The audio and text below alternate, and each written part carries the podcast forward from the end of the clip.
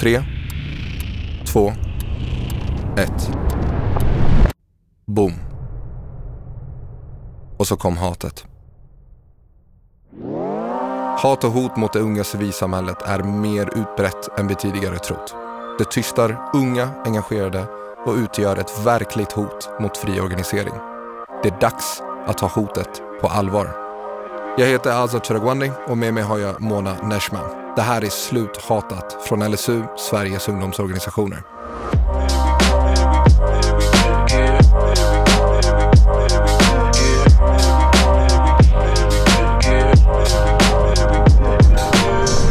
Hej Azza! Hallå!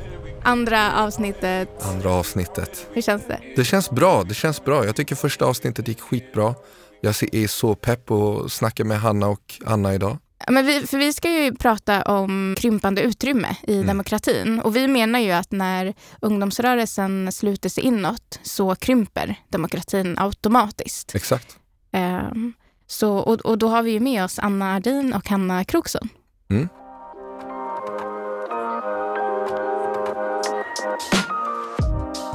Varmt välkomna till Sluthatad, Hanna och Anna. Eh, väldigt kul att ni kan vara här. Ni får gärna börja med att berätta lite om er själva. Hanna, vem är du? Jag är generalsekreterare på LSU. Extra roligt tycker jag faktiskt att vi har den här podden just nu. Känns fantastiskt kul. Eh, och jag är ju en eh, snar, ja, 34-årig tvåbarnsmamma.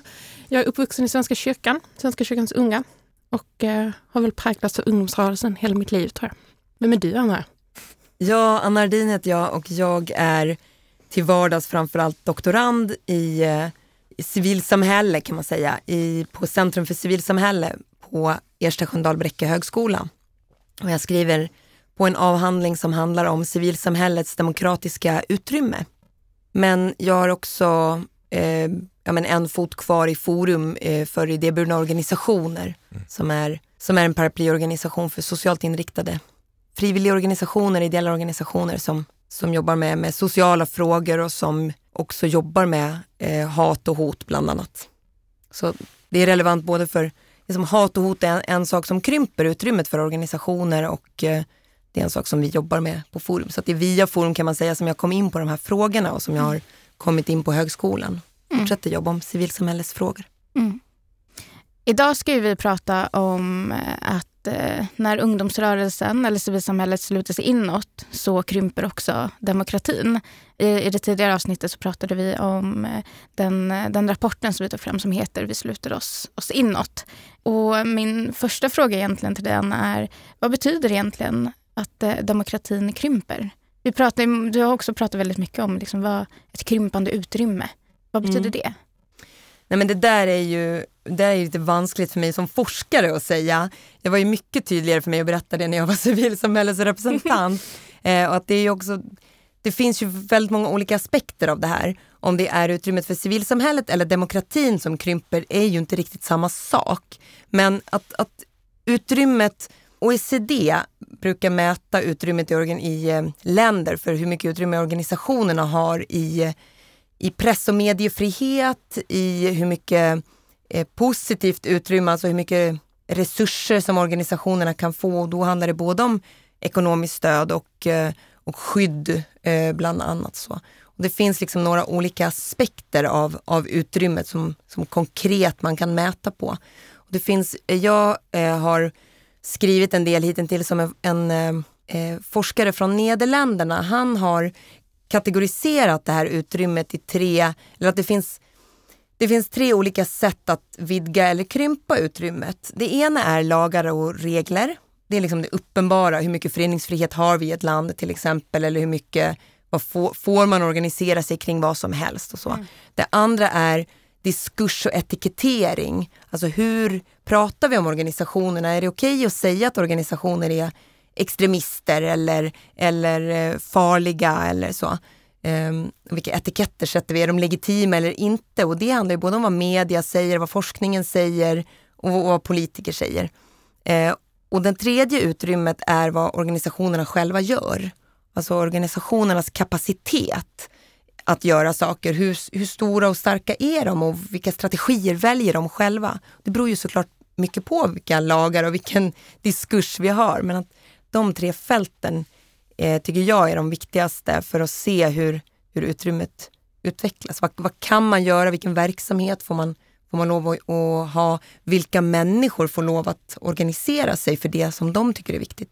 Jag tänker på i förra avsnittet när vi pratade med Zana Mohammed som är ordförande för Ibn Rushds studieförbund. Då pratade han om hur, när han då tog sig an det uppdraget, fattade ett aktivt beslut att utesluta sig själv från Facebook, från Instagram, från Twitter, från mm. sociala medier just i ett försök att inte utsättas för hat, vilket såklart blir väl en effekt av just exempelvis diskussionsklimatet som du, du var inne på. Vad, vad ser du finns, vilka konsekvenser kan den här typen av självcensur eller andra åtgärder som organisationer och företrädare utsätter sig själva för med anledning av klimat eller lag eller vad det kan vara. Vilka konsekvenser får det för vår demokrati? Men det får ju såklart väldigt allvarliga konsekvenser för det är ju också det som är syftet ofta, tror jag, med det här hatet och hotet. Alltså jag är ju också, jag är inte bara forskare här, jag har ju också blivit utsedd på Flashback till Sveriges mest hatade kvinna. Eh, och, och, varit i ett enormt drev i väldigt många år. Eh, och det fortsätter ju eh, på grund av att jag anmälde Julian Assange för, för sexuella övergrepp. Men också på grund av att jag är engagerad i frågor som handlar om rasism, kvinnors rättigheter, hbtq-frågor, flyktingfrågor. Det är som ett smörgåsbord av allt som, allt som eh, man får hat för i, i Sverige just nu kan man säga. Det blir ju väldigt svårt att vara aktiv samtidigt som man får de här dreven. Mm. Alltså att allting som du säger gör dig ju till måltavla, att de, in, att de letar aktivt efter någonting att jaga dig kring. Och då blir det ofta det säkraste att, att dra sig ur. Så det är liksom inte, man har ofta inte valet att vara kvar för att det blir värre. Ehm, men, men det blir ju, effekten blir ju att de rösterna inte hörs. Vi har ju sett att sammansättningen av människor på Twitter till exempel har ändrats väldigt radikalt. Och de som hatar eh, kör ju inte heller med schyssta spelregler. De har ju många konton, det är massor av bottar, det är anonyma personer, man behöver inte stå, man kan aldrig granska de här personerna. Mm. Medan de på andra sidan blir granskade och man kan hitta vad de har gjort förr och vad de har för kontakter och man kan kartlägga dem som man in, överhuvudtaget inte kan göra med de här anonyma kontona. Så att vi behöver kanske ha en, mer av digitalt självförsvar i att, att, också, att också freda oss, att vi kan vara aktiva utan att, att eh, visa våra ansikten. Det är inte odemokratiskt. Eh, vår ärkebiskop, apropå du sa att du varit engagerad i Svenska kyrkan, har ju pausat sitt Twitterkonto nu. Mm. Och där har de ju haft väldigt aktivt att man inte blockar folk för att det anses vara odemokratiskt och man måste blocka folk. Mm. För det är ofta inte ens folk utan det är ryska robotar som mm. sitter och försöker skapa polarisering. Så att, att, att inte blocka blir också ett demokratiproblem, att inte rensa i sina kommentarsfält. Det tror man på, på liksom, vad ska man säga, den, den hatade sidan är en slags demokrati insats. Men i själva verket tror jag att det är tvärtom. Att inte rensa ger utrymme. Vi ger våra plattformar till hatet och det, vi måste sluta med det för vi kommer inte klara oss annars. Nej, alltså det bidrar ju till en enorm stress och press hela tiden att möta det här hatet. Apropå de här tre olika ste eller delarna då, lagar och diskursen och sen själva organisationerna. Där tänker jag att hela etiketteringen och diskursen i sig går ju också direkt på, visar ju liksom individens på något vis, alltså man, den oron som vi känner den, den skapas ju på något vis av den diskursen där vi befinner oss. Och den, den enorma rädslan, den ser vi ju jättevanligt. Alltså vi ser den ganska mycket bland våra medlemsorganisationer, att man man är orolig också för vad som kan komma att hända. Inte bara vad som man, alltså för man ser att det har hänt andra och då kan det mycket väl handla om sådana här robotar och så, att det inte är, det är inte mänskliga attacker på något vis, men att det ändå är attacker och att det tar ner oss något enormt och våra, liksom, den motståndskraften som man har i ett vanligt möte med en annan människa kanske. Där man liksom kan se människan på ett annat sätt. Mm. Vad är det för samhälle vi egentligen vill ha? Vill vi ha ett samhälle där det bara är vissa personer som, som då får, får höras. Vilket då per automatik också blir de som sätter agendan. Mm. Vad är det som är viktigt? Vilka, vilka ja, men, politiska åtgärder är det vi, vi behöver och, och, och vilken vision har vi med, med vårt samhälle? När, när folk tystas så försvinner ju andra visioner och då försvinner andra Liksom. Ja men det är också en väldigt tydlig konflikt. Jag tänkte alla de här grejerna som du rabblade upp Anna, med sånt som man får hat för, det är ju också ganska enkelt på ett sätt att se att det är mänskliga rättigheter. Mm. Väldigt ofta så handlar det om rättigheter och så har vi också en väldigt tydlig agenda nu att vi, alltså vi vill ju arbeta från ett rättighetsbaserat perspektiv. Det är viktigt inom biståndet, det är viktigt i, våra, Mm. liksom, i kommunala beslut, det är viktigt. Och då, det blir också en konflikt när vi hela tiden hatas för det som vi också strävar efter att införliva. Liksom. Har det blivit eh, värre? Har, har folk alltid blivit hatade för eh, att jobba för mänskliga rättigheter? Mängden nu är ju betydligt större, tänker jag. Alltså just eftersom att det också är massa omänsklig mängd på något Ja. vis. Vi kan ju se att attityderna eh, kring till exempel mångfald har ju varit väldigt starka. Att vi, vi har varit ett, ett samhälle som har tyckt att mångfald har varit något positivt. Vi har haft positiv inställning till immigra, immigration, vi har haft positiv inställning till, till eh, islam till exempel. Men det där eh, ändras ju i, i befolkningen generellt. Att vi för första gången på, på länge så börjar attityderna eh, av ja, men det generella miss, misstron mot invandring, negativa attityder till islam till exempel. När, när det växer så växer ju också hatet och att det ofta kopplas ihop, liksom, de här stora attackerna med att det händer någonting i media. Eh, som liksom, näthatet triggar att man, att man sätter fokus på om det varit något terrorbrott i Mellanöstern till exempel, så blir det direkt översatt till att det handlar om svenska muslimer på ett sätt som är extremt rasistiskt. De där negativa attityderna börjar få fäste mer. Så att även om det inte har ökat i mängd så, så ser man på attityderna att det kommer i sånt fall att öka och, och frågan är bara om vi har lyckats mäta det ännu eller inte. Och att det är ju också så att vi, vi ser att det är fler som har lämnat de här plattformarna eh, och att det är fler personer som upplever sig eh, ogiltigförklarade på olika sätt och inte längre kan vara företrädare. Det är väldigt svårt att hitta styrelseledamöter i muslimska organisationer till exempel för att man, man eh, jag tänker på Sanna till exempel, som inte bara fattade, tänker jag, ett aktivt beslut att inte vara på, på Facebook och Twitter utan som också fattade ett aktivt beslut att sätta sig själv, eh, att göra sig själv omöjlig. Att bli ledare för en sån här organisation gör ju att man förlorar möjligheter i sitt liv. Man, får, man blir mer otrygg på, på stan, man får svårare att få ett jobb, man, man får svårare med sina sociala relationer. Det där har jag ju märkt väldigt tydligt när jag har blivit hatad på nätet.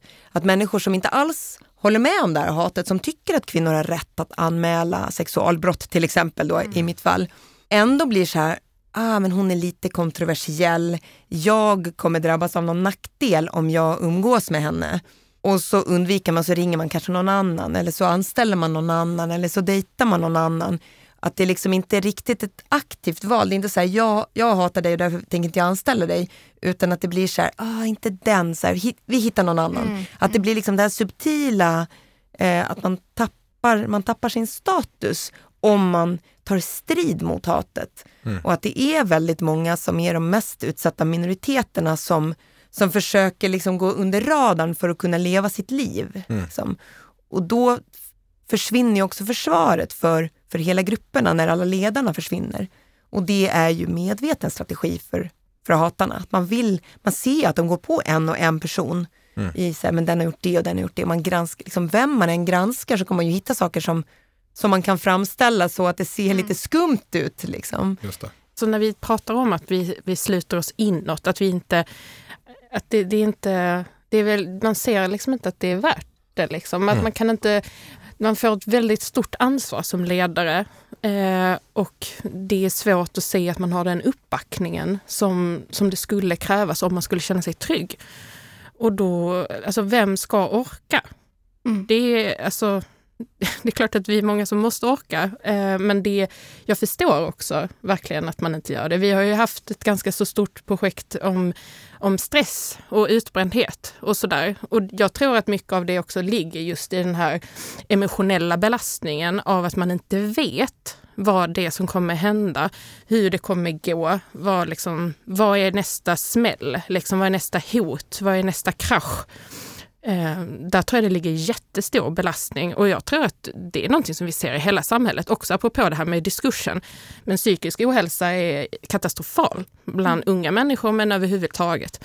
Och det, alltså jag tänker att allt det här hänger ihop med mm. den tuffa liksom, samtals klimat vi har nu. Men också, tänker jag, om man liksom går ifrån individnivå till organisationsnivå, att det är inte bara individer som lämnas ensamma, utan det är också organisationer som mm. lämnas ensamma. Att driva en kamp själva, att eh, hantera ett samhällsklimat som drabbar dem först själva.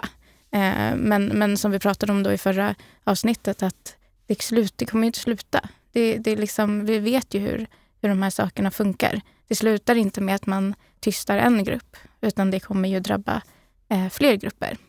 Ja, men och jag tänker att det är just här också som vi ser ändå att, att påverka civilsamhället påverkar ju demokratin i stort. Alltså för att vi är ändå väldigt många personer som engagerar oss i civilsamhället. Det är vårt sätt att jobba med demokratisk påverkan när vi inte är valbara eller när vi inte går och röstar mm. i de allmänna valen.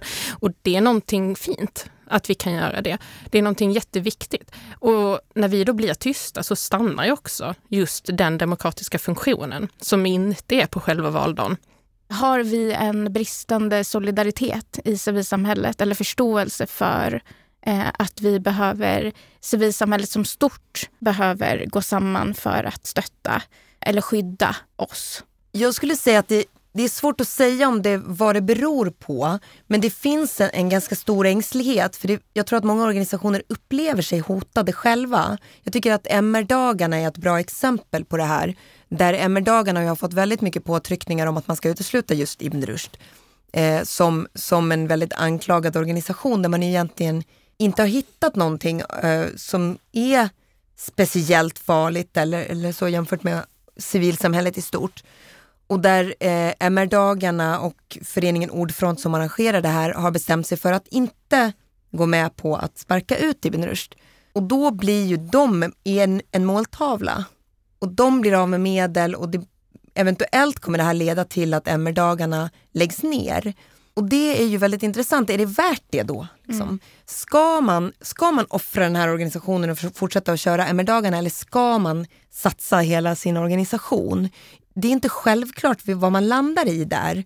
Eh, och det, det har ju med solidaritet att göra såklart.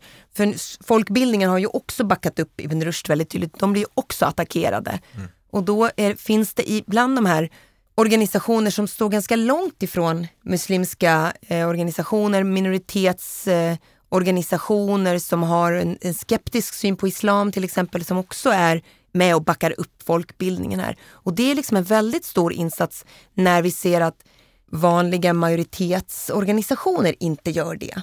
Och att det finns liksom en, en dynamik här som är väldigt svår att sätta fingret på när det inte kommer tydliga direktiv och lagstiftning om så här, vad får man säga om organisationer. För organisationer har ju liksom ingen, ingen, inget skydd mot förtal till exempel. Till skillnad från individer. Eh, och det är väldigt svårt att, att driva de här fallen att det är egentligen okej att säga vad som helst om en organisation, mm. oavsett om det är sant eller inte. Eh, och, och det fattas liksom skydd. Det som händer nu finns det inte egentligen något skydd för. Det finns extremt lite arbete från statlig nivå mot hatbrott, mot hot eh, och de små pengar som fanns från regeringen kommer man ju nu att dra in. Mm. Och det är, vem är det som ska jobba med det här? Alice Bah sa att det var civilsamhället. Men hur ska civilsamhället kunna jobba där när, när man själva upplever att utrymmet krymper för att det är många saker som pressar på samtidigt i bristande finansiering, hat och hot, eh, lagstiftning som begränsar en på olika områden och sådär. Så, så var, ska man, var ska man börja och hur ska man vara solidarisk när man själv tappar sitt utrymme? Det är ju inte så lätt att svara på. Mm som, som LSU, som landsråd som samlar barn och ungdomsorganisationerna i Sverige, så har det ju varit eh, till hjälp, eller vad man ska säga, att vi ändå har, vi har årsmöte varje år. Det är årsmötet som bestämmer vilka som ska vara medlemmar hos oss och vilka som inte ska vara det. Därigenom finns det ju en tydlig ändå liksom uppbackning och solidaritet i ungdomsrörelsens organisationer kring vilka organisationer som vi fortfarande tror på och vilka vi liksom inte... Hade det funnits en väldigt stark oro kring hur en viss organisation skulle skada de andras, liksom, då hade man ju gjort någonting åt det. Alltså det hade vi sett diskussioner och motioner och, och sådär om fler uteslutningar. Vi har inte gjort det, utan jag upplever att det finns en väldigt stark, liksom ändå så här, men vi, vi som känner varandra här, alltså rent organisatoriskt, vi, vi är uppbyggda med samma syfte, vi tror på de här syftena och de är de är liksom viktiga för det här samhället. Men sen är det ju liksom, vi har ju drivit i flera år nu att ungdomsrörelsen skulle få ökat statligt stöd till exempel. Och många organisationer har ju under väldigt lång tid, alltså över tio års tid, upplevt att de blir straffade när de växer. Att liksom, det finns fler och fler unga människor idag som är engagerade och medlemmar i ungdomsförbund och ändå så får man mindre och mindre resurser. Och då då tänker jag att den här ändå så här, längtan efter att liksom se till sitt eget och att faktiskt ibland att man brister i solidariteten. Det är klart att de riskerna ökar när man ser att just att det krymper runt en själv och när man vill växa och man vill göra skillnad och så, och så orkar man inte. Eh, det är egentligen eh, otroligt att vi har den solidariteten som vi ändå har, tycker jag. Men sen är det ju svårt. Att, liksom, ja, men för att alltså, säga att eh, den organisationen som inte blir hatad eller hotad, eh, den får leva kvar. Liksom. Och, och sen stängs de andra ner som då stämplas som extrema eller whatever. Eh, vad är det för utrymme de ska, ska befinna sig i? Vad är det för civilsamhälle de ska ha? Mm. Alltså, vad är det, då, då, tänker jag, alltså, då, då, finns det ingen poäng med civilsamhället om det bara får finnas vissa. Eh, då försvinner ju hela grejen. Och den logiken för, förstår inte jag att andra inte greppar. Att eh, vi får, som organisation så kommer vi överleva det här. Men, men de andra kommer försvinna. Vad är poängen? Mm, alltså, poängen för dem är väl att få göra det som deras syfte säger. Men, men som sagt, jag ser inte riktigt den konkurrensen. Kanske inte heller ser alltid det uppbackningen som man skulle önska, men jag ser inte heller att man kastar varandra under bussen. På det nej, nej, men så menar jag verkligen inte, utan snarare att jag, jag har väl, jag, jag tycker att det har um, jag, jag upplever att det är många civilsamhällsorganisationer som är väldigt måna om sig själva. Eh, och det förstår jag. Jag är jättemån om LSU. Ja. Eh, men LSU, vi, som, som organisation så måste vi förstå att vi är en del av något större. Eh, vi är en del av ett sammanhang. Och det sammanhanget måste vi värna om. För att vi ska kunna verka. Liksom. Ja men absolut, jag sitter ju och nickar här. Alltså, ja, tänker, jo, så är det ju såklart. Men, men jag tänker just det här med att LSU också är en del. Alltså, vi är också en bransch. Vi är också en pusselbit i liksom mm. allt det här eftersom mm. att vi just samlar ändå förhållandevis väldigt lika organisationer. Alla ska ha minst tusen medlemmar som är i åldrarna 6 till 25. Mm. De liksom, det finns en jätte tydlig ändå, eh, liksom, de liknar varandra väldigt mycket om vi jämför med civilsamhället i stort det finns ju, alltså våra 86 medlemsorganisationer är ju inte, alltså de är mer lika varandra än vad civilsamhället är likt. Alltså det finns ju en enorm mångfald om vi tittar på hela civilsamhället. Ja, ja verkligen. Eh, och, och, och jag skulle ju ändå säga också att ungdomsrörelsen är lite av ett, eh, det är ett gott exempel på hur man också backar upp varandra som organisationer. Eh, och att övriga civilsamhället har en del att, att lära sig eller liksom komma ihåg ifrån sina yngre dagar i det unga civilsamhället. Vi är ju ganska självgoda i alla fall. Eller, ja. tänker, alltså, så är det ju. Nej, men alltså, det, det, det, har jag pratat med många om nu också un, kring när det gäller det här med, med normkritik och normmedvetenhet och sådär. Och vi var ju väldigt tidiga med att gå in och liksom påpeka till politiken att vi får mycket skit.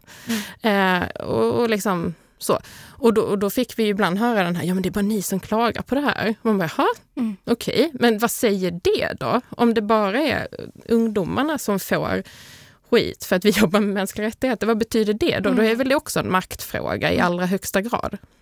Men man kan också komma ihåg att hela civilsamhälleskonceptet är ganska nytt. Det var ju inte så länge sedan, alltså när jag började jobba på tankesmedjan sektor 3 för tio år sedan ungefär, då var det ju fortfarande en väldigt stor strid om vi överhuvudtaget skulle ha någonting som hette civilsamhälle. Eh, där vi pratade om folkrörelser är en sak, insamlingsorganisationer är någonting annat, så har vi fackföreningsrörelsen och vi har liksom, och de är inte samma, utan det är olika sektorer. Vi har utbildningssektorn eh, mm. här och sådär. Och att, att det där att vi nu ser oss som en och samma, det är ju väldigt många av de som är engagerade som inte ser att de har särskilt mycket gemensamt med, med mm. eh, ett studieförbund, sen, nej men vi håller på med fotboll, vad, vilka är ni liksom? Mm. Och att, att, inte, att det snarare kan vara så att så här, men om de, det viktiga eh, är ju att människor sportar. Mm. Eller att det viktiga är ju att vi utbildar folk. Eller det viktiga är att X, Y, Z på något sätt. Så att det är inte, jag tror att den här känslan som ni har av att vi är en enda stor familj, den är inte så stark Mm. liksom, i, Mm. i hela det som vi kallar för civilsamhället på något sätt. Mm. Ja men det är klart att jag också eh, minns väldigt tydligt första gången jag gick på Eh, ett representantskap eller ett årsmöte för LSU, Sveriges ungdomsorganisationer. Så satt jag, jag var där som representant för Sveriges elevkårer, vilket är liksom elevrörelsen. Och jag satt bredvid en representant för eh, Svensk hundungdom. Eh, och eh, till höger om mig så fanns det unga astmatiker. Eh, och eh, bakom mig så fanns det någon annan intresseorganisation. Mm. Och det är klart att den tanken väcktes där också. Eh, och jag tänker mig att det är i dessa tider av liksom krympande utrymme där vi allihopa utsätts för hat eller hot eller trakasserier eller vad det är som knyter oss samman. Jag känner ändå solidaritetsbanden starka. Problemet blir ju när de här banden, i alla fall känslan som vi får gentemot varandra och till varandra, inte överstiger rädslan för hat och hot eller eh, utsatt, eh, utsättningen som, som en, eller hur mycket en utsätts för hat och hot. Mm. Eh, och det leder ju eventuellt till att folk eh, väljer att distansera sig eh, av, av olika, olika skäl. Mm. Men också um, utanför, eh, alltså hur vi hanterar det internt i organisationer. Mm. Alltså eh, att hur en organisation hanterar hat och hot mot enskilda ja, men, företrädare eller anställda och sådär. Det är jättestor skillnad i hur man upplever hatet och hotet om man har ett system som faktiskt fångar upp en, än om man inte har det. Mm. Ehm, och vilka konsekvenser det får för mig som, som individ. Där Eh, blir ju så. också ensamheten jättefarlig, Mm. tänker jag. Verkligen. Nej, men det behövs också system. Vi behöver se till att vi sätter in resurser. Vi satte ju in väldigt mycket resurser mot spam, om Mm. ni kommer ihåg det. Och spam upphörde i princip för att man hittade de här nätverken som satt och skickade spammen. Och att eh, det där borde vi ju göra med, med näthat också. Dels för att det är delvis kommer från samma källor som tidigare, eh, men också för att för att det finns, alltså det här är ju en infrastruktur som man bygger upp med hat och hot som vi skulle kunna adressera på ett helt annat sätt än vad vi gör idag.